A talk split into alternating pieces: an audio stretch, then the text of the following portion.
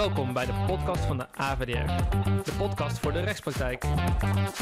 Met vandaag de gast Augusta van Hagen en Marjolein Kleijsen. Zij gaan het vandaag hebben over alimentatierecht. Heel veel plezier met weer een nieuwe aflevering van de AVDR podcast. Wij gaan samen praten over de podcast waarin we samen hebben besloten dat we het gaan hebben over het invloed van gedrag van een, iemand die alimentatie krijgt, een alimentatiegerechtigde, um, op het recht om partneralimentatie te krijgen of te behouden. Um, wij gaan ons eerst even voorstellen.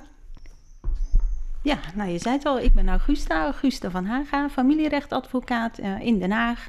28 jaar werkzaam. En we gaan het inderdaad uh, met, lekker met elkaar praten.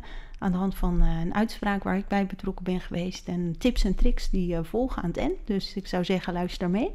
Ja. Nou, en mijn naam is Marjolein Kleijsen. Ik ben advocaat, familierechtadvocaat bij Paulussen Advocaten in Maastricht. En ehm, ja, al heel aantal jaar bezig in de familierechtpraktijk. Waarbij ook regelmatig uitspraken um, of in ieder geval procedures uh, tevoorschijn komen rondom uh, dit onderwerp. Van wat doet vaak de vrouw, maar soms ook de man. Um, in, uh, ja, ten opzichte van degene die alimentatie moet betalen. En dat daar toch heel veel verontwaardiging over bestaat. Over wat hij of zij uithaalt. En dat, dat, dat die ander dan toch partneralimentatie moet gaan betalen. Dus ik ben reuze benieuwd hoe ja, jouw uitspraak en hoe je daarbij uh, bij betrokken bent geraakt. Nou ja, betrokken geraakt. Uh, ja, je hebt wel eens van die zaken waar, uh, waar je tegen, tegenaan loopt. En wat, um, wat anders gaat dan je, dan je soms denkt. Als je gewoon kijkt naar het feitencomplex. Maar in dit geval is er heel recent ook door de Hoge Raad dan de, de uitspraak van het Hof Den Haag, die hierbij belangrijk is, die is bekrachtigd. Het is een uitspraak van de Hoge Raad van 25 juni 2021.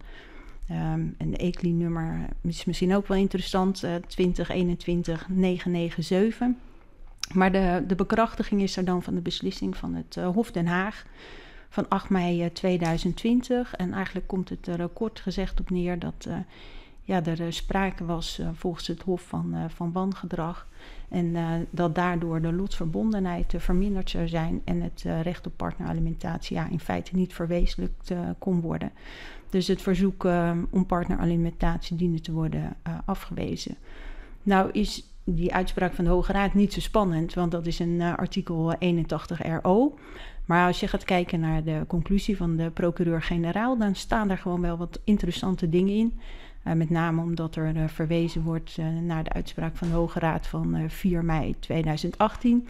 volgens mij ga jij daar in ieder geval zo wat over zeggen. Ja. maar daar wordt op teruggegrepen. En eigenlijk lees ik hem ook zo voor de procureur-generaal, die eigenlijk zegt: ja, in dit geval was het iets anders omdat er ook sprake was, of niet ook, maar er was sprake van een eerste vaststelling in, feite van, van de partneralimentatie waarbij um, ja, hij dat combineerde nog met, uh, met uh, lotsverbondenheid. Dus dat hij, ja, hij zag het wat anders. Nu is het wat cryptisch, omdat, ja, omdat mogelijk de luisteraar niet weet wat, wat de uitspraak is natuurlijk van 4 mei 2018. Dus ik weet niet of het handig is om daar ja. nu wat over te zeggen. Dan haak ik later denk ik weer, weer even aan. Dat ga ik doen. Maar voordat ik daarop inga, wil ik in ieder geval voor degenen die deze podcast luisteren en die um, ja, niet zo um, geïnformeerd zijn als, uh, als dat jij en ik in onze voorbereiding zijn, vertellen dat uh, die term lotsverbondenheid, dat is een term die je heel veel hoort in het alimentatierecht. En um, wat is dat nou eigenlijk? Um, wat, uh, wat het in ieder geval, lotsverbondenheid ontstaat niet door de echtscheiding, maar die ontstaat door, uh, ja, doordat, doordat je een huwelijk sluit. En artikel 81 van boek 1, daar staat uh, in dat echtgenoten um, zijn elkaar getrouwheid, hulp en bijstand verschuldigd. En ze zijn verplicht elkaar het nodige te verschaffen. En dat is de basis van die lotsverbondenheid in het huwelijk. En uh, die lotsverbondenheid, die is voor het ontstaan van het recht van partneralimentatie is dat de grondslag. Maar, en dat heeft de Hoge Raad in die uitspraak van 4 mei 2018 gezegd, die lotsverbondenheid is niet de grondslag voor, um, uh, voor het voortbestaan van het recht op partneralimentatie.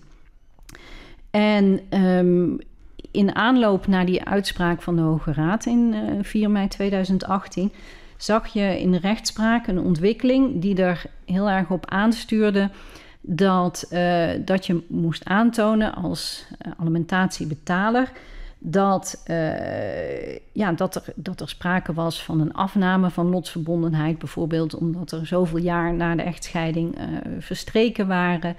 Um, en dat daardoor het gedrag van degene die alimentatie kreeg, um, ja, dat dat strenger werd uh, beoordeeld.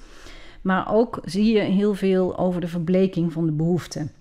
Nou, en de Hoge Raad heeft aan die insteek, die je dus in al die uitspraken zag, een einde gemaakt dus met haar arrest. En dat komt er uh, dus op neer dat die lotsverbondenheid enkel geldt als grondslag voor het ontstaan van een partneralimentatieverplichting maar dus niet voor het voortduren daarvan.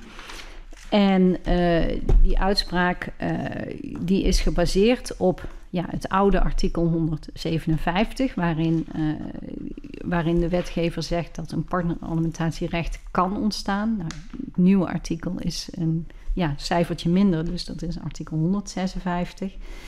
En um, die, um, die uitspraak die komt er dus op neer dat de enige wettelijke grond waarom een voortijdige beëindiging kan ontstaan, dat is het verbreken van de samenwoning.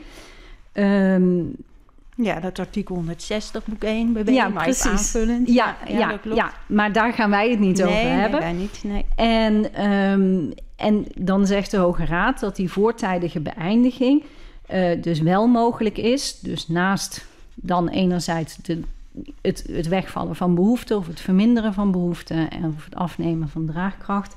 Maar dat dat wel mogelijk is als het naar de maatstaven van redelijkheid en billijkheid onaanvaardbaar is om van de aanstaande ex-partner, dus in een echtscheidingsprocedure of van een gewezen partner, nog langer te verlangen of te vergen dat die alimentatie betaalt.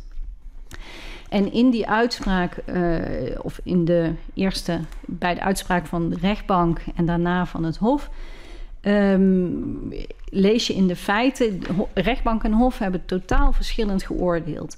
Um, bij de rechtbank ging het over dat er een huwelijk was, uh, dus mensen waren 22 jaar gescheiden.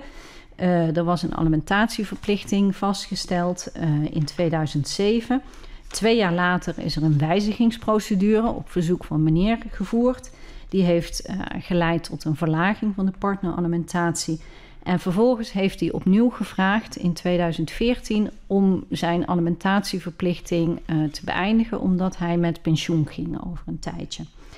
En bij het verstrekken van die financiële informatie door mevrouw bleek dat zij een erfenis had gehad die uh, zij niet had, uh, waar zij hem niet over eerder had verteld. En dat was een erfenis die voortkwam uit um, een relatie die zij met een andere man had gehad na haar huwelijk. En um, de alimentatiebetaler heeft toen is voor verschillende ja, ankers eigenlijk gaan liggen. Dus eerst heeft hij geprobeerd om de beëindiging te krijgen van de partneralimentatie op grond van 160, op grond van samenwonen, als waren je gehuwd.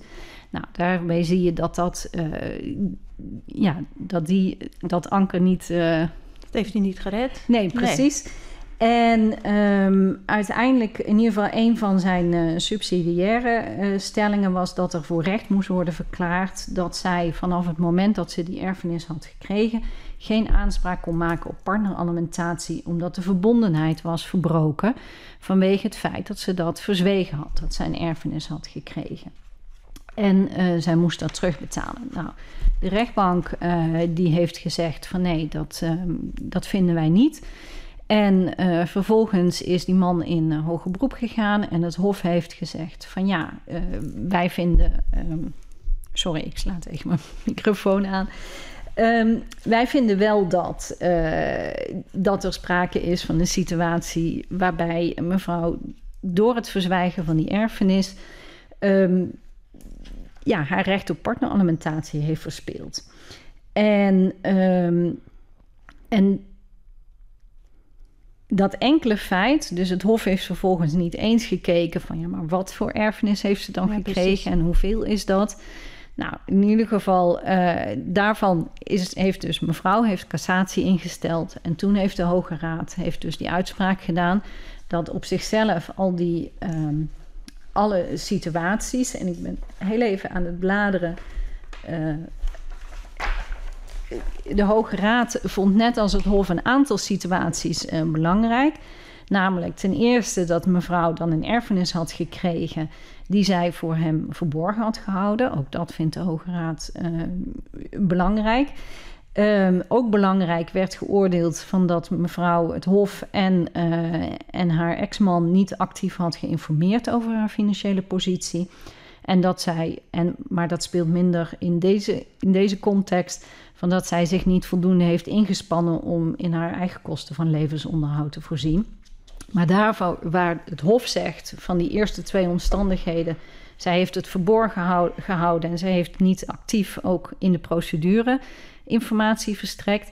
Daarvan zei het Hof van nou, dat betekent dat je geen recht hebt. En de Hoge Raad zegt van jawel, dat kan dus wel. Ook de samenhang met al die omstandigheden, dat is niet voldoende om aan te nemen dat daarmee het recht beëindigt. Want beëindiging van het recht betekent dat je daar gewoon niet meer, uh, ja, niet meer op terug kan worden gekomen. En uh, het gevolg daarvan is, is dat de alimentatiegerechtigde of op, zijn, ja, op haar eigen um, mogelijkheden om inkomen uh, te krijgen is aangewezen of terugvalt naar een bijstandssituatie. En dat, um, ja, dat vindt de Hoge Raad in ieder geval dusdanig ernstig dat er dat vervolgens de Hoge Raad zegt dat moet je heel goed motiveren. En daar is uiteindelijk in ieder geval de zaak op, uh, op gecasseerd. Omdat het Hof dus niet heeft onderbouwd waarom al die omstandigheden in aanmerking genomen, dat ook leidt tot een beëindiging. Dus dat is wat in die uitspraak uh, naar voren is gekomen. Ja, en wat ik zelf ook nog, uh, nog wel interessant vond uh, in dat kader, is omdat er, er waren nog wat, uh, of nog een grief, maar daar in die zaak was ook door de man gevraagd om alleen zeg maar die definitieve beëindiging. En omdat hij dat had gevraagd, heeft hij die stelplicht van die feiten en omstandigheden ja. voor die definitieve beëindiging. En terwijl er eigenlijk was gezegd, ja, maar het is mevrouw die dat allemaal moet stellen. Dus uh, zij moet uh, laten zien wat voor pogingen ze heeft ondernomen om aan werk te komen. Maar daarvan is ook gezegd door de Hoge Raad, nee, nee, dat, dat is niet zo. De man heeft enkel gevraagd om die definitieve beëindiging. Met andere woorden, hij had ook natuurlijk kunnen zeggen... Ja, maar uh, ze heeft, haar behoeftigheid is verminderd, haar verdiencapaciteit is x en dat had ze moeten aanwenden. Ja, dus um, de man had die stelplicht en niet de vrouw. En, ja. en dat is ook wel goed om uh, te weten. Zeker als je gaat kijken, als je zo'n verzoek gaat indienen om zeg maar de partneralimentatie te beëindigen om dan te, om voor meerdere ankers uh, te gaan liggen. Maar goed, dat is dan ook weer een, een tip en een trick, zullen we maar even ja. zeggen. Maar dat kwam hier ook uh, heel ja. duidelijk naar voren. Ja, want dat, dat lees je ook in de commentaren uh, op, op die belangrijke uitspraak dat het dus dat de Hoge Raad in feite zegt van als rechter moet je het grondig motiveren van waarom er een beëindiging zou zijn of waarom niet. Hè? Ja. Maar daar gaat natuurlijk aan vooraf dat je als degene die die beëindiging uh, verzoekt, um, dat je juist op jou ja, de taak rust om dat heel erg duidelijk en grondig te motiveren. En dat is ook wat je ziet in die uitspraken die volgen. Van ja. Dat dat uiteindelijk gewoon de crux is van hoe meer je aanvoert en hoe meer je het aannemelijk kan maken, hoe groter um, de kans is dat, ja, dat, jou, uh, dat je inderdaad die beëindiging krijgt. Maar als je, en dan lopen wij in ieder geval even vooruit. Uiteindelijk is het kans dat je ja, van slagen van zo'n procedure maar gewoon heel klein. Dus in die zin was jouw uitspraak waar jij bij betrokken bent geweest ook wel een bijzondere. Omdat er toch wel hele verstrekkende gevolgen aan zitten voor de mevrouw in ja, deze zaak. Ja, dat klopt. Ja, die verzwaarde stelplicht die, uh, die is zoals je al zei heel erg belangrijk. En ik denk als je gewoon kijkt naar, uh, naar de uitspraak zoals die daar ligt... en dan even de feiten, uit, hè, de feiten van de feitenrechter, dus van het Hof uh, Den Haag... dat daar ook heel duidelijk naar voren komt uh, wat het Hof van, van belang heeft gevonden in die zaak. En dat is inderdaad op basis van een heel aantal zeg maar, feiten, zoals tenminste de man in dit geval dat gesteld heeft. En dat echt dat hele feitencomplex ja, heel, heel uitvoerig naar voren is, uh, is gebracht. Um, goed, de, onder andere is natuurlijk de, de kinderontvoering uh, in dit geval van, belang, van belang geweest. Maar je ziet, dat zie je vaker overigens, een, een zeg maar een strafbaar feit... of in ieder geval een vaststelling van onrechtmatig handelen... wat het Hof hier ook heeft, heeft aangenomen... Maar verder is ook van belang geweest eigenlijk wat er in een bepaalde periode allemaal gedaan is of juist niet uh, gedaan is. In dit geval uh, door mevrouw, de alimentatiegerechtigde. Uh, en dat is ook uitvoerig beschreven. Dus eigenlijk een, ja, of een, zoals het Hof het omschreven heeft, een, een stilzitten of het, en ook het contact tussen vader en kind. ja, niet stimuleren. Het, het family life aspect heeft hier ook meegewogen. Uh, en wat je ook heel vaak ziet is inderdaad hè, de duur, het aanhouden van, van bepaalde uh, gedragingen of, of juist dus niet handelen zoals in deze zaak. Dus een volharden in, in iets. Um, in dit geval dan het volharden van ja, dat een, een kind niet teruggaat naar Nederland. ongeacht zeg maar ja, welke argumenten de mevrouw in kwestie daarvoor, daarvoor had. Dus het, het hele uitbouwen van, um, van het feitencomplex heeft hier kunnen we in ieder geval stellen, uh, uh, geloond. Maar ik vond het wel heel bijzonder, want als je dan een, vervolgens een uitspraak uh, ja, een half jaar daarvoor ziet van het Hof Arnhem-Leeuwarden van 29 oktober 2020. Daar ging het in feite, die, daar was sprake van een gezin met vier kinderen. En um, die moeder uh, die beschuldigde um, ja, de vader van allerlei um, ja, huiselijk geweld, van alcoholmisbruik, van allerlei gedragingen tegen de kinderen. En um, vervolgens heeft, uh, heeft die meneer uh, geprobeerd om zijn partneralimentatieverplichting. Um, ja, om die voortijdig beëindigd te krijgen vanwege die beschuldigingen die zijn ex-vrouw deed. Ja. En die zo van invloed waren ook op die kinderen. En daarvan zegt het Hof: um, ja, wij vinden dat alles bij elkaar nog steeds niet voldoende om, um, om aan te nemen dat daarmee uh, het recht op partneralimentatie is beëindigd. Dus het, het hangt heel erg af van. Ja, ja dan denk kijkt ik ook. een Hof er tegenaan? Ik denk ook dat in het geval wat jij nu beschrijft, er misschien meer de nadruk is gelegd op wat, de, wat het voor de kinderen betekend heeft.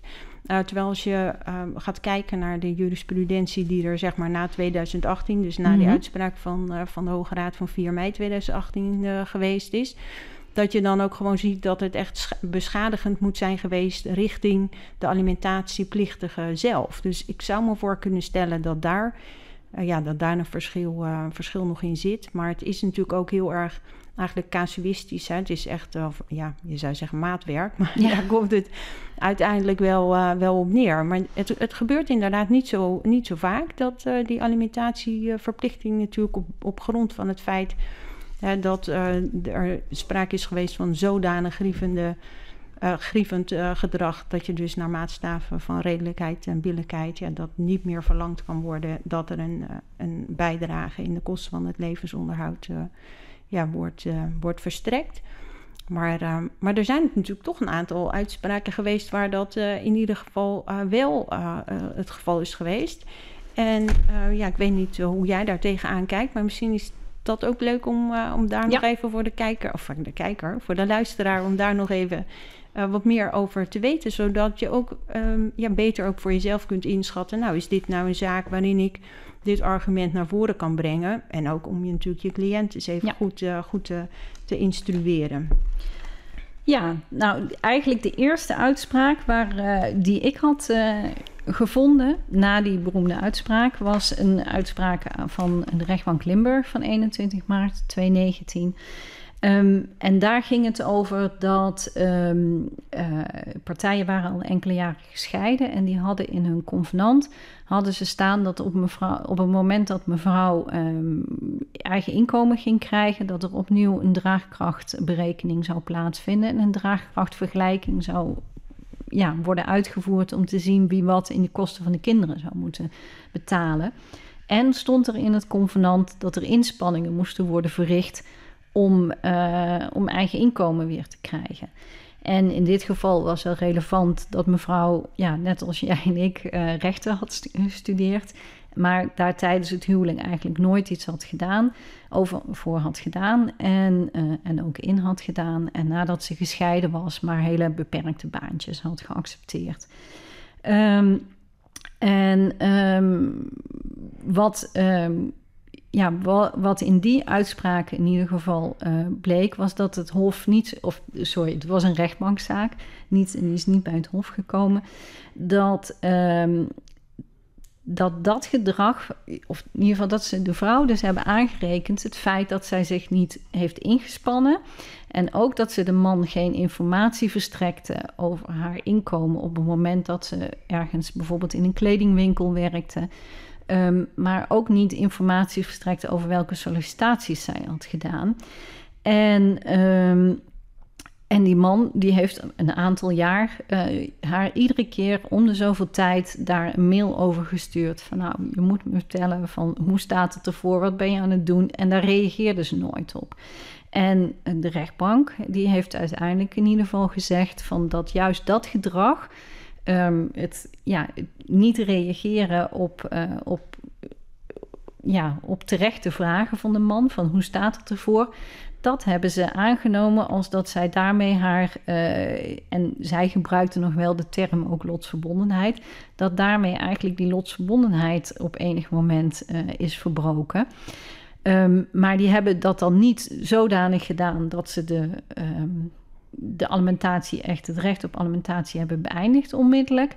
Maar wel gezegd, het moet op nul worden gesteld, dus een hielstelling. En hebben ze nog gezegd, en over drie jaar dan eindigt het definitief. Dus het was dan geen twaalf jaar, maar negen jaar of zoiets. Um, dus dat vond ik wel een hele aparte, of in ieder geval een uitspraak, een van de eerste die daarop is gevolgd, waarbij ze wel teruggrijpen op die lotsverbondenheid, maar uh, het wel anders uitleggen. Dus ja, dat, dat was apart in ieder geval. Ja, en ik denk ook dat dat komt omdat, uh, omdat daar die, die overeenkomst feitelijk ook uh, mm -hmm. was natuurlijk tussen die man en die vrouw. En dat, ze, dat op basis daarvan je ook kan zeggen, ja, je had me die informatie moeten geven. Ja. Eén, we zijn het overeengekomen, ik heb het je gevraagd en je hebt het uh, niet gedaan. Want als je denk ik gewoon kijkt naar de, de uitspraken daarna, dan, dan is die anders wat apart. Want het enkele feit eigenlijk van hè, geen informatie of iets geven, dat zie je niet dat zo snel niet terug. Hè? Nee. Dat, uh, dat zie je niet. Maar het gaat meer, of tenminste als je een beetje naar een lijn kijkt, naar de, toch wel wat ernstigere uh, gedragingen. Ik had zelf. Uh, de uitspraak van 2 mei 2019, dat is dan van het Hof den Bosch. Mm -hmm. En uh, ja, daar was, uh, werd, werd de meneer nog wel van het nodige beschuldigd door, door de moeder. van psychisch geweld, kinderontvoering ook, kindermisbruik. Maar het ging ook zover dat het seksueel misbruik, alcoholmisbruik, dus dat waren nogal wat dingen. En daarbij was het zo dat zij de informatie, die ook vals bleek te zijn, deelde met, met organisaties, met instanties. Dus het werd naar derden geventileerd. En wat, uh, wat het Hof in dit geval ook uh, heel erg uh, ja, hoog nam, was het feit dat er ook ja, op de zitting gevraagd werd, kennelijk, want dat, dat lees je dan terug in die uitspraak aan mevrouw, van ja, of ze er nog steeds zo over dacht. En zij, zij noemde hem dus ook nog steeds kinderverkrachter. En dat is ook zo specifiek opgenomen. Dus daar zie je in dat die vasthoudendheid, um, want ze heeft daar uiteindelijk toe geleid dat zij dat inderdaad um, haar uh, recht op partneralimentatie uh, uh, is beëindigd. Dat ja, dat stukje van het aanhouden, dus tot op de zitting nog gewoon volhouden, terwijl duidelijk was dat er ja, geen, geen veroordeling, niks was. Dat dat dan toch ook, tenminste, ik heb het idee dan, dat dat ook weer net een stukje verder is, waardoor het Hof dan inderdaad zegt: ja, daar geven we dan nu zo die klap op. Dat we inderdaad zeggen dat er sprake is van nou, dat zodanig uh, grievende gedrag. Hè. Want, uh, grievend gedrag op zich, dat kan.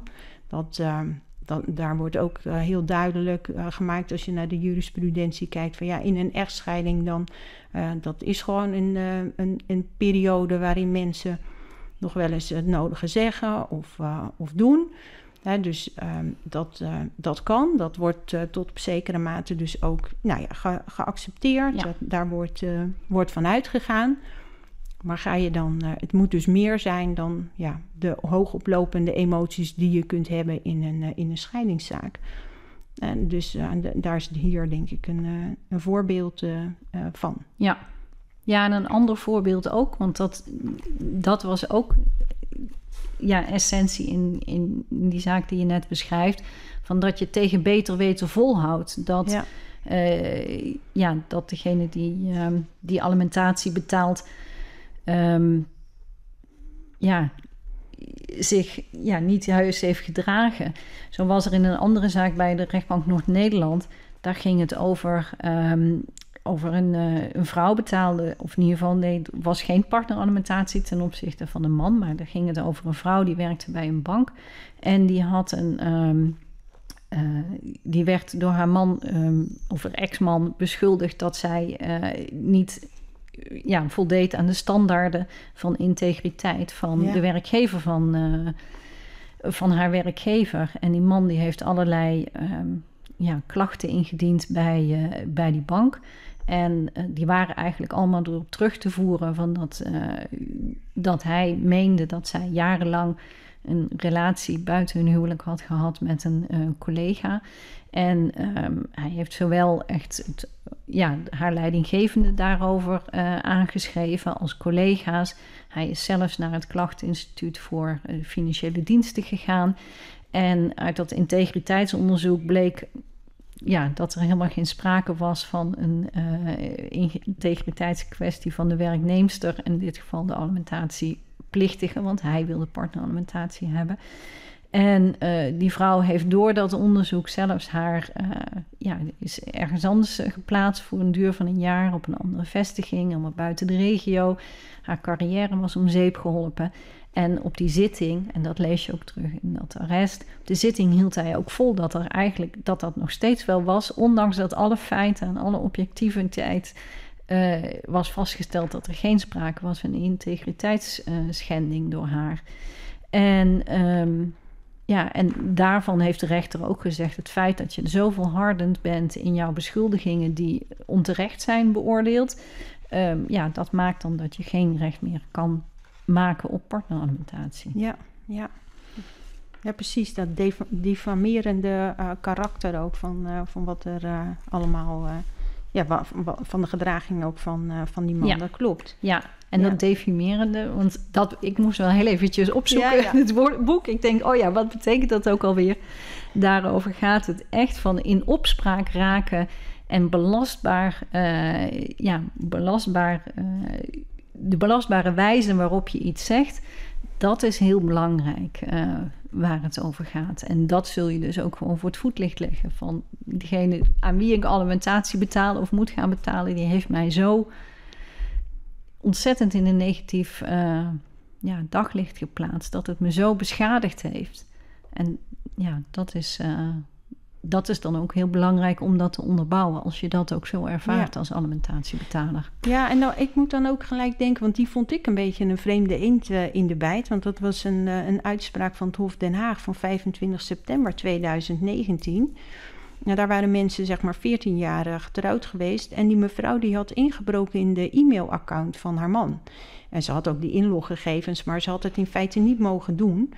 Uh, en ze heeft ook dan de berichten doorgestuurd uh, uh, aan, aan zijn werkgever. En wat er in feite op neerkwam, was dat die man ehm, zelf producten verkocht nadat hij ze ge gereviseerd had van zijn werkgever. En maar de, de opbrengsten niet afdroeg. Dus hij deed in feite wel, wel iets fout.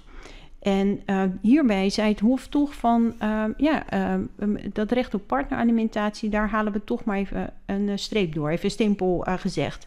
En daar was ook juist die schade aan de bestaanszekerheid, dat, was, dat was belangrijk, zeg maar.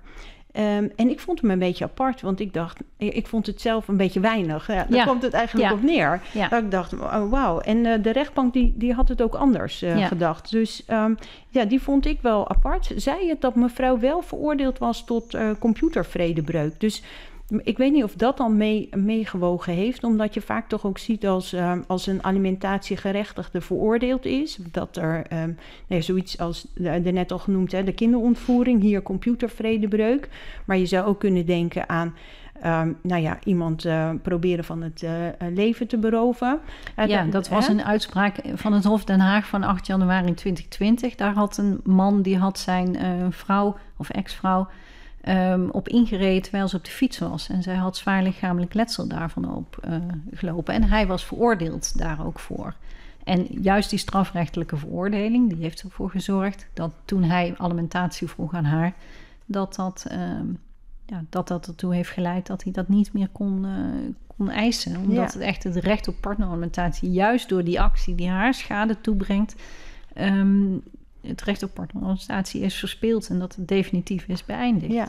Ja, Ja, zie je, dus daar komt het dan ook wel naar voren. En, en wat ik daarnet zei, dus over wat ik dus wat minder... Ik, ik vond het niet zo erg, hè, dat klinkt een beetje... maar daar komt Ja. het wel op neer... is dat mevrouw ook zei, ja, maar het was impulsief. En, en daar waren maar twee keer, was er... maar wel met een week tussenkomst... had zij inderdaad berichten gestuurd naar, die, eh, naar die werkgever. En daarvan werd toch ook gezegd van... ja, maar dat kan je niet meer zien als een impuls... Want Ja. je hebt het nog een keer gedaan, hè, dus je bent daar, nou ook maar even de term weer vasthoudend in.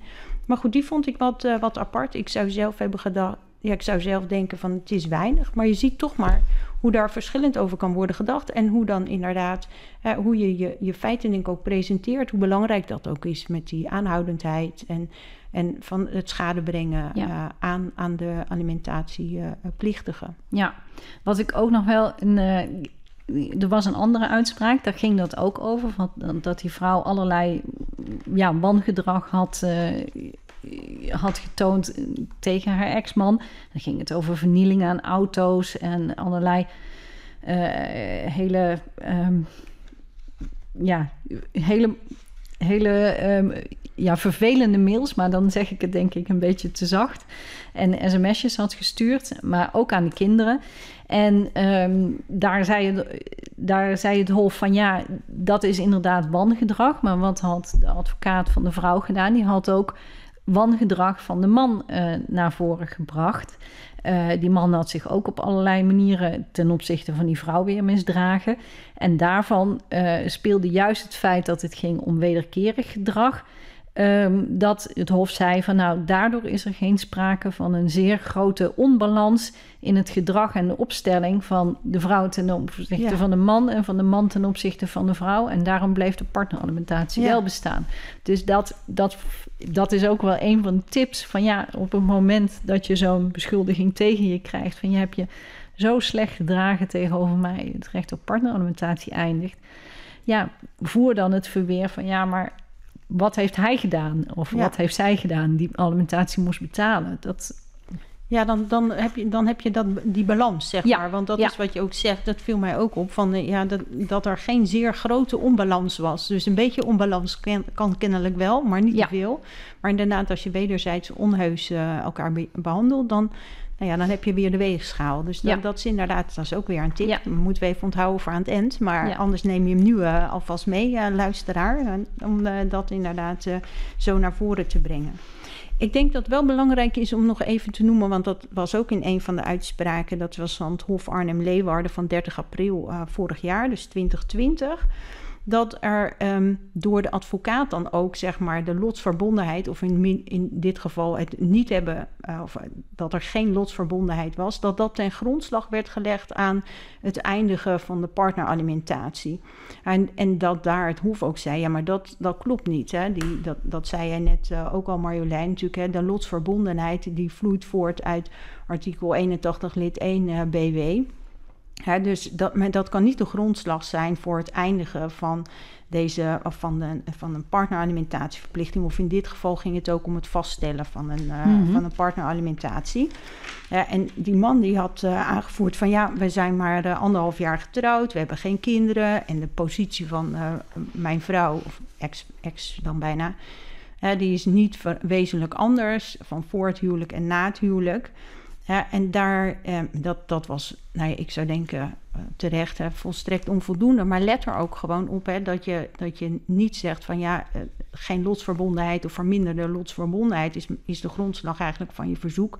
Want dat is niet zo. Je moet het toch weer onder die noemer van, eh, van die eh zodanig grievende gedragingen, dat dus in een, redelijk, een maatstaf van redelijkheid en billijkheid niet verwacht, verlangd kan worden hè, dat je nog een bijdrage levert. Dus dat is wel essentieel. Ik vond, dacht zelf van oké, daar heeft dan nou in dit geval niet echt geholpen, maar in andere, een andere zaak zag ik ook van dat er werd gezegd van ja, ehm, dat klopt niet, de grondslag, maar we lezen het als inderdaad van ja, zo, zodanig grievend. Dacht ik, nou goed, dan help je een ander weer, maar het is toch ook wel fijn als je zelf de juiste grondslag eh, eh, neemt. Ja. Ja, want dat, dat, daar, daar sloeg jij natuurlijk ook al op aan. Dat juist, zeg maar, als je kijkt naar de, die oudere, dus voor 4 mei 2018, zeg maar, de, de rechtspraak, dan, dan werd er gewoon inderdaad ook gezegd van ja, eh, er is geen lotsverbondenheid meer. En inderdaad, die verbleek de behoefte. Eh, dus ehm, beëindigen we of geen eh, partneralimentatie. Maar ja, dat, dat is dus niet, niet correct. Nee, Dus dat is niet we dat dan ook goed doen. Ja, ja, ja. Nee, en je ziet dat in verschillende uitspraken inderdaad dat het Hof dan herformuleert. Ja. Die zeggen dan, het Hof begrijpt de stelling van de man al dus dat de vrouw zich zodanig grievend ten opzichte van hem heeft gedragen dat het naar maatstaven van redelijkheid niet meer van hem verlangd kan worden dat hij nog in die kosten van levensonderhoud bijdraagt. Dus ja. het Hof helpt ook op het moment dat er dus, of tenminste, dat vond ik, als je maar genoeg ehm, ja argumenten en ja. niet alleen stelt, maar ook natuurlijk wel met bewijzen aankomt, tuurlijk, dan word je wel geholpen in een herformulering van wat nou eigenlijk je. ehm, ja, Ja, wat je grondslag Ja, wat je feite is van, standpunten eh, zijn. Ja, Ja. precies, van je vordering. Ja. En, en, ehm, en ik, ik zei dat helemaal aan het begin ehm, nou van, eh, van deze podcast. En dat is dat mij opviel in, ehm, in die conclusie van die procureur-generaal in die, in die zaak nou ja, waar ja, ik bij betrokken was. Hè? Ja, En die eh, conclusie die is van 7 mei eh, 2021. En ik had daar gewoon even een gedachte bij. En ik weet helemaal niet of dat een, eh, een, eh, een correcte is. Maar ik, eh, ik, ik deel hem toch maar even met jou. Dus dan eh, even wat makkelijker pak ik hem er ook even bij. Eh, want ehm de procureur-generaal die had het natuurlijk over, die, eh, over de uitspraak van de Hoge Raad van eh, 4 mei 2015. Maar hij eh, gaf 18. eh, sorry, ja, 2018 eh, uiteraard. En daar, ehm, daar, daar werd min of meer, dat staat hier dan, hè, ten overvloede overwogen... hè, dat het voortduren van de alimentatieverplichting niet berust op het voortduren van de lotsverbondenheid. En dan zegt hij ehm, dat het afnemen of wegvallen van lotsverbondenheid geen grond kan zijn voor beëindiging van de alimentatieverplichting, staat er mijn zinziens niet aan in de weg dat het Hof bij toekenning van partneralimentatie beoordeelt of het gedrag van de alimentatiegerechtigde zo grievend is dat er geen lotsverbondenheid is tussen echtgenoten. En daar maakt hij natuurlijk wel ehm, de connectie met grievend en Ja. lotsverbondenheid. Maar ik dacht even, zou hij nou bedoelen van oké, als het nou een eerste vaststelling is, dan zou je ook kunnen zeggen van dat er dan helemaal geen lotsverbondenheid is. Ja, ik vond het een beetje apart. Moet ik je Alsof er dan zeggen. een strengere toets gehanteerd Ja, of wordt. dat het an- een, andere, een andere toets is. Alsof je dan wel zou kunnen zeggen van als op het moment van de eerste vaststelling er geen lotsverbondenheid meer zou zijn. en want dan heb je eigenlijk een soort Mhm. grondslag. Dus dan, want de grondslag ja, is, zou dan de, die alsnog het ontbreken van de lotsverbondenheid zijn. Ik vond het een beetje apart van wa- waarom dit anders was. Want hij doet ook echt cursief, zeg maar, de toekenning van, van partneralimentatie. Dus ja, ik werp hem maar even op. Misschien ook leuk voor de luisteraar om daar een eigen ding mee te doen. En misschien kan je er ook weer Ja. ergens een voordeel eh, Ja. uithalen. Ik weet het niet. Nou ja, op zich heeft die uitspraak van de Hoge Raad van die 4 mei 2018 daar wel. ehm, je kunt hem zo uitleggen. Want er staat in van dat het voor lotsbondenheid wel voor het ontstaan van het alimentatierecht Ja, van invloed is, maar niet voor het voortduren en het voortijdig eh, beëindigen daarvan. Ja. Dus ja, op het moment dat je maar vroeg genoeg in die echtscheidingsprocedure dat als, ehm, ja, als argument gaat gebruiken waarom er überhaupt geen alimentatieverplichting moet worden toegekend, ja, dan lijkt het in ieder geval, tenminste bij het Hof Den Haag, dat daar uh, ja, dat de kans van slagen groter is. Ja. Het Hof Den Haag was eerder ook dus voor die uitspraak, weer die uitspraak van 4 mei 2018. Er was ook een, in die zin de vreemde eend, of nou, ik weet niet of die vreemde eend in de bijt was, maar die, die, die ook de uitspraak had steeds van over. Die, hè, de lotsverbondenheid ontbreekt dus. Dus misschien dat dat er nog een beetje uh, in zit weet ik niet. Of misschien proberen ze de loop van de rechtspraak ja, ja, toch een beetje weer te beïnvloeden. Dat ze... Ja, dat zou ook kunnen. Ja. ja, inderdaad. Had je verder nog interessante uitspraken? Of gaan we inmiddels naar de, naar de tips en de tricks? Nou ja, de, ehm, ik was nog één uitspraak uh, tegengekomen. En uh, dat ging over, of dat was van het Hof Amsterdam van 21 april uh, eh, 2020.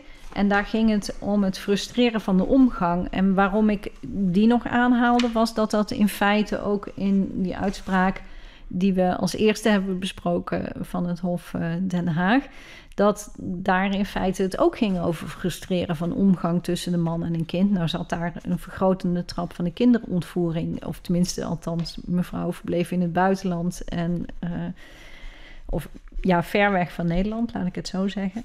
En, maar hier ging het ook over uh, waarin een alimentatie uh, gerechtigde het hebben van omgang tussen de man en de kinderen onmogelijk had gemaakt.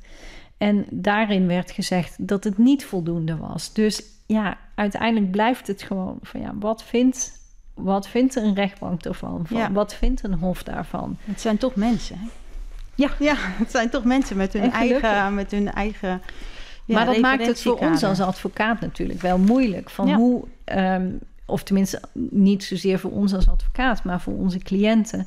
Van wat is nou de kans dat, dat je dat tegengeworpen krijgt en de kans dat dat wordt toegewezen of dat het wordt afgewezen. Ja, dat blijft. Um, ja, de inschatten, in ieder geval heel moeilijk. Het inschatten is inderdaad heel moeilijk. En ik moet ineens nog even denken, omdat we het er net ook hadden, of jij zei ook, hè, dat eigen handelen, van dat, dat mhm. het eigen handelen van de, van de alimentatie, moet ik even goed denken, de alimentatie gerechtigde. En dat, um, ja, dat was hier dan toch, um, uh, wat, dat was van de, het was van Arnhem uh, Leeuwarden, het Hof, van uh, 29 september 2020. En daar speelde ook het eigen handelen van de man een rol, want daar was een LB, LBO-signalering en dat kwam omdat die man achterstallige alimentatiebetalingen uh, had. En hij zei van ja, weet je, door uh, wat jij hebt gedaan, mevrouw, um, kan ik mijn werk, kon ik mijn werk niet meer voortzetten in China en Hongkong was dat. En uh, ik had geen inkomen, ik was verplicht daardoor naar Nederland te komen. Ik kon een tijd geen paspoort aanvragen en dat alles door jouw signalering. Ja goed, daar, daarvan is gezegd, ja, daar is geen sprake van dat uh, daarmee er geen uh, recht meer op partneralimentatie zou zijn. Maar daar speelde echt dat eigen handelen van ja. meneer een, een rol. Dus ja, het, het, loont sowieso om, dan ook, om dat ook te zeggen. Terwijl het wel apart is, want die man had dus zelf gezegd... ja, maar zij, hè, de, ik heb een signalering door haar. Maar in feite was het door... Ja, door hemzelf. Ja, door hemzelf. Ja, ja, ja. dus je moet dan uitleggen waarom zij dat heeft gedaan. Ja, dat denk ik wel. Ja, ja, ja. Dat uh, sowieso. Nou, ik denk dat we toch een aantal uh, ja, uh, samen in ieder geval tips en tricks hebben, al de revue hebben laten passeren. Maar ik denk dat het leuk is als we dat toch nog heel eventjes herhalen nu aan het einde van deze podcast. We even kijken? Ja, precies. Nou, in ieder geval zou ik denken, je, uh, houd er rekening mee dat je dus een verzwaarde stelplicht hebt op het moment dat je een verzoek doet tot, tot beëindiging van, van de alimentatieverplichting. en dat betekent veel stellen zo mogelijk ja, bewijzen of aannemelijk mm -hmm. maken. En ik zou ook denken, echt gedetailleerd. Probeer zo gedetailleerd mogelijk te zijn en zo volledig mogelijk uh, te zijn. Want op, op jou uh, rust de, de stelplicht. Ja. ja, en dan met name dat je onderbouwt dat het een heel uitzonderlijk gedrag is. Of dat er sprake is van uitzonderlijke omstandigheden. Waarbij dat gedrag eigenlijk de normale grenzen van gedrag overschrijdt. Ja, dat, was dat is dat natuurlijk is wel ja. waar het over gaat. Ja. Hè? Van het feit dat je. Um, dat je je onhuis bejegent of grove taal gebruikt of um, ja, alles wat in een echtscheiding strijdt en ook nog na de echtscheiding um, aan emoties voorbij komt, dat op zich hoeft niet, uh, dat op zich is niet voldoende, maar het gaat echt over die hele bijzondere omstandigheden. Ja. Ja. En dat, daar rust wel gewoon echt jouw, um, ja, je bewijslast op. Ja, en in dat kader is dus ook nog, als je gewoon kijkt, denk ik, naar de lijn, is ehm, als je, met name natuurlijk als het gaat om uh, beschuldigingen of, of, mails, dat soort dingen, het, ook het delen met derden. Dat uh, zou ik ook willen meegeven. Dat is toch ook wel een verzwarende omstandigheid. Dat zie je best vaak terug in de, in de jurisprudentie, zoals we het net ook benoemd hebben. En dat volharden. Ja. Dus dat zijn dan ook punten waar je, waar je extra aandacht aan, uh, aan kunt besteden. Maar ook denk ik wel van op het moment dat je degene bent die, uh, of de alimentatieplictige bent, als er zo'n gedrag tegenover je wordt getoond dat als er daadwerkelijk sprake is van iets wat ja, in de strafrechtelijke kant neigt, dat je daar ook daadwerkelijk aangifte van gaat doen. En uh, dat dat onderzocht wordt. Want op het moment dat, en dat zie je ook terug, dat er echt strafrechtelijke veroordelingen zijn voor stalking ja. um, of voor. Um, ja, wat hadden we nog meer over poging tot uh, toebrengen van zwaar lichamelijk ja. letsel dat dat toch allemaal gronden zijn waarop uh, er gewoon geen partneralimentatieverplichting meer is. Ja, precies. Dat, maar daarnaast ook om als je dat tegengeworpen krijgt, dat je ook goed gaat onderbouwen. Wil je de, om die balans, die weegschaal er weer in te ja. brengen van. Uh, ja, zij heeft dit gedaan en dat hij, zij zegt ja, maar hij heeft dat gedaan. Ja, en dat klinkt heel, soms misschien heel um, ja, ik denk dat we dat niet zo gewend zijn. Zo van, uh, ja, zij, en, maar, maar hij ook. Ja. Maar in dit geval is, is het dus, als je kijkt naar in ieder geval hè, de, de, de uitspraken die wij genoemd hebben, of een aantal daarvan dan, dat dat, dat, dat dus wel van belang uh, kan ja. zijn. Dus dan moet je ook niet stromen om, uh, om dat te doen. Nee. sowieso. Ik heb nog wat anders waarvan ik denk dat is ook belangrijk uh, om, uh, om te doen. Dat is, ga dan niet voor één anker liggen. Hè. Um, dus niet alleen zeggen van ja, het uiteindigen, maar kijk dan ook verder naar uh, behoeftigheid, verdiencapaciteit, want dat zie je nog wel. Ja, of, of probeer te zeggen van nou, het beëindigt niet, maar wel in ieder geval moet het op nul gesteld worden. Ja.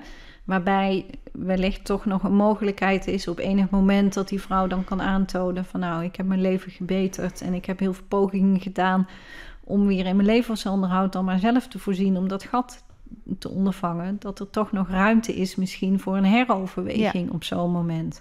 Want dat is natuurlijk ook. Um, ja, dat is als je inderdaad aan de verwerende uh, kant zit, dat je ja. dat naar voren brengt. Ja, want, ja. want op zichzelf genomen ja, omdat je natuurlijk één, die verzwaarde stelplicht hebt... en omdat er hoge motiveringseisen gelden... waar natuurlijk een rechtbank hof aan moet doen... Hè, kun je toch op basis van dezelfde feiten en omstandigheden mogelijkerwijs dan... Hè, dus inderdaad die behoeftigheid verdiencapaciteit uh, naar voren brengen... en inderdaad op ter termijn opnieuw stellen... of de duur, uh, hè, de duur beperken, het bedrag uh, matigen. Mm -hmm. Dat zie je natuurlijk ook nog ja. wel in de jurisprudentie... En um, nou ja, goed, dan, dat is uh, alles uh, meegenomen. Maar als je maar voor één anker ligt, ja, dan weet je dat je ja. voor de dat je ja, is het afgewezen, is het afgewezen. Ja. Maar probeer dat tritsje. Ah, nou ja, dat kun je ook lezen. Dus uh, mm -hmm. in die, die uitspraak van het Hof Den Haag, of tenminste, de, de advocaat van man, de man heeft daar ook ja, daar stapjes in gemaakt. Of tenminste, het primair en het subsidiaire. Dus ja, belangrijk om daar uh, kritisch voor jezelf ook naar te kijken als uh, verzoeker. Mm -hmm. nou, als je het wil maar beëindigen. Ook als verweerder. Maar ook als verweerder, ja, ja zeker. Ja, ja, ja. ja. En, en wat ik ook wel belangrijk vind, en zeker op het moment dat er al een alimentatieverplichting bestaat, um, dat je dan niet dus aankomt met uh, ja, de lotsverbondenheid is vervallen of afgenomen. Want dat is echt niet meer. Nee, dat is echt dat achterhaald. Ja. Maar ja, die, de conclusie van de procureur-generaal in die laatste zaak van uh, de Hoge Raad, waar dan er 81, uh, ja. waar niet gecasseerd is, maar wel de. Um, procureur-generaal eigenlijk op een hele andere manier daarnaar kijkt dan de Hoge Raad. Uh, die zegt van ja, juist die lotsverbondenheid is bij het ontstaan toch nog ja, wel belangrijk. Ja, ja. En dat, uh, ja, dat zullen volgende advocaten denk ik best kunnen gebruiken. Ja, dat denk ik ook. En, en, uh, en nog iets anders hebben we het eigenlijk niet over gehad. Maar ik, ik weet niet waarom ik eraan denk. Maar ik hoor het, oh, het komt op terwijl jij, jij wat zegt. Dat is, kijk dan ook van als ze dan zouden beëindigen kijk dan toch ook even naar de termijn. Van uh, wanneer zou er dan uh, uh, geëindigd ja. worden? want ook hier geldt natuurlijk, ja, de, degene die alimentatie betaalt of zou moeten betalen, die wil natuurlijk zo ver mogelijk terug met die terugwerkende kracht. Maar ook daar moet natuurlijk heel erg terughoudend mee om worden gegaan. Dat is natuurlijk ook al vaste, vaste jurisprudentie van de Hoge Raad. Dus kijk daar gewoon kritisch naar. Want ja, ja, uh, bedoel, voor één is het natuurlijk als alimentatieplictige wil je zo ver mogelijk terug. Maar ja, uh, denk niet als alimentatiegerechtigde van, nou ja, het zal mijn tijd wel duren. Maar, uh, maar, maar reageer daar ook niet. Kijk niet alleen naar van die gedragingen, maar kijk ook naar wanneer, als het dan toch beëindigd wordt, per welke datum. Ja. En ehm, ja, dat is anders natuurlijk als het gaat om een 160. Dus het, als je samenwoont als gehuwd, nou ja, dan is het duidelijk. Als, als, al op het moment dat je samenwoont, als het ware je huwt, of als je huwt, dan, dan is dat het moment van dat, eindigen. Maar, dat komt omdat de wet ja, dat natuurlijk dat, ook bepaalt. Ja, dat weet je, op dat moment eindigt het. maar denk dan niet van, um, nou ja, dat, dat daar is het zo en hè, voor de andere. Nee, want je gedrag kan dus achteraf consequenties hebben. Ja.